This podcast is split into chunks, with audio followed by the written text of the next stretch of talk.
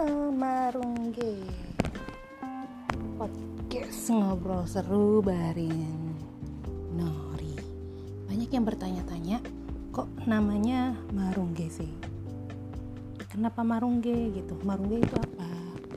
Jadi for your information ya Marungge itu sejenis sayur-sayuran.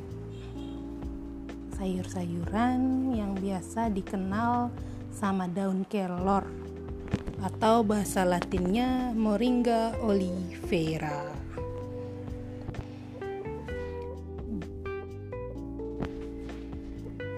Kelor itu atau marungge itu adalah jenis tumbuhan suku Moringaceae, Moringaceae atau tumbuhan yang dengan nama lain orang kenal ada moringa, terus marungge atau kelor dan tanamannya tumbuh cepat, berumur panjang, berbunga sepanjang tahun, dan tahan kondisi panas ekstrim, termasuk berasal dari daerah tropis dan subtropis di Asia Selatan.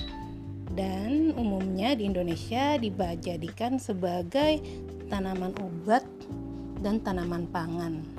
Dan juga bijinya itu dipakai sebagai penjernih air skala kecil jadi kenapa sih tertarik pakai nama Marungge ini? Karena uh, di sini rata-rata di Timor di Momere di Flores itu makanan yang dipakai atau sayur yang dipakai sebagai itu marungge.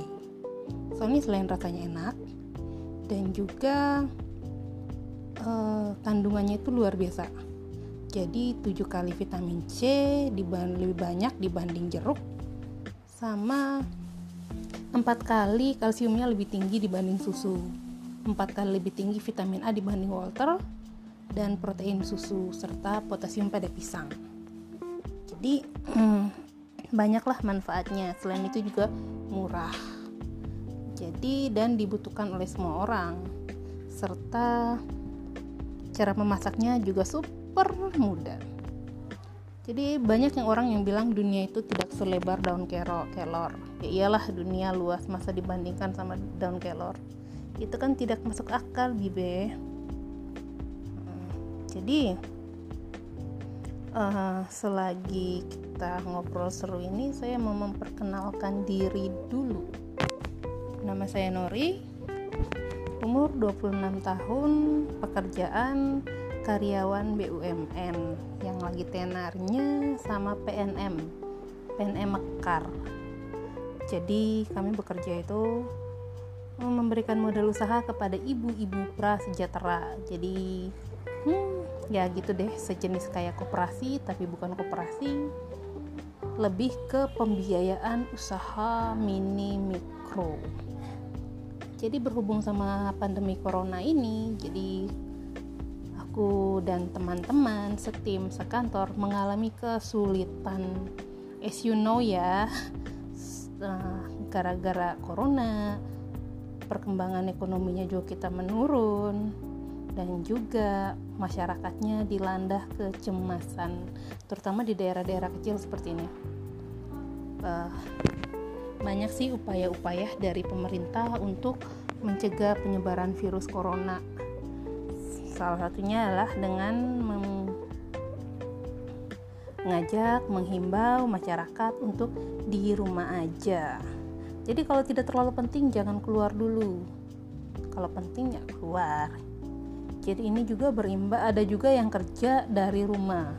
Tetapi as you know, kami karyawan PNM Mekar itu tidak bisa kerjanya di rumah. Hmm, kerjanya itu harus tetap kerja lapangan. Jadi dalam apa kami ya juga beresiko.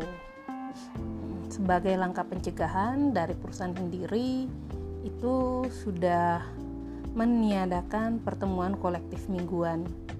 Jadi untuk mempermudah pengambilan angsuran, bahkan ketua kelompok sama nasabahnya cuma mengumpulkan angsuran. Jadi menghindari kerumunan. Hanya persoalannya sekarang di tengah kondisi yang seperti ini, banyak nasabah yang kesulitan membayar. Ada yang benar-benar usahanya nggak jalan, ada juga yang mengambil kesempatan dalam kesempitan. Jadi untuk teman-teman segala di seluruh penjuru Indonesia, Serikan di Mekar, di mana pun kalian berada, tetap semangat, tetap berikan yang terbaik, dan juga jaga kesehatan, ikuti protokol yang sudah diberikan di kantor dari kantor pusat, lakukan silaturahmi dengan baik, menagih kepada nasabah tetapi jangan memaksa atau sampai memicu perkelahian tetap diingatkan kepada ibu-ibu sekalian untuk tetap membayar angsuran. Oke, melenceng lebih jauh lagi. Jadi sebenarnya ini unek-unek sih sih. Dan see you next. Semoga kita semua diberikan kesehatan, ketabahan, dan juga corona ini cepat berlalu. Jangan lama-lama mau lebaran Semoga sebelum lebaran coronanya udah hilang. Amin. See you in the next podcast, guys.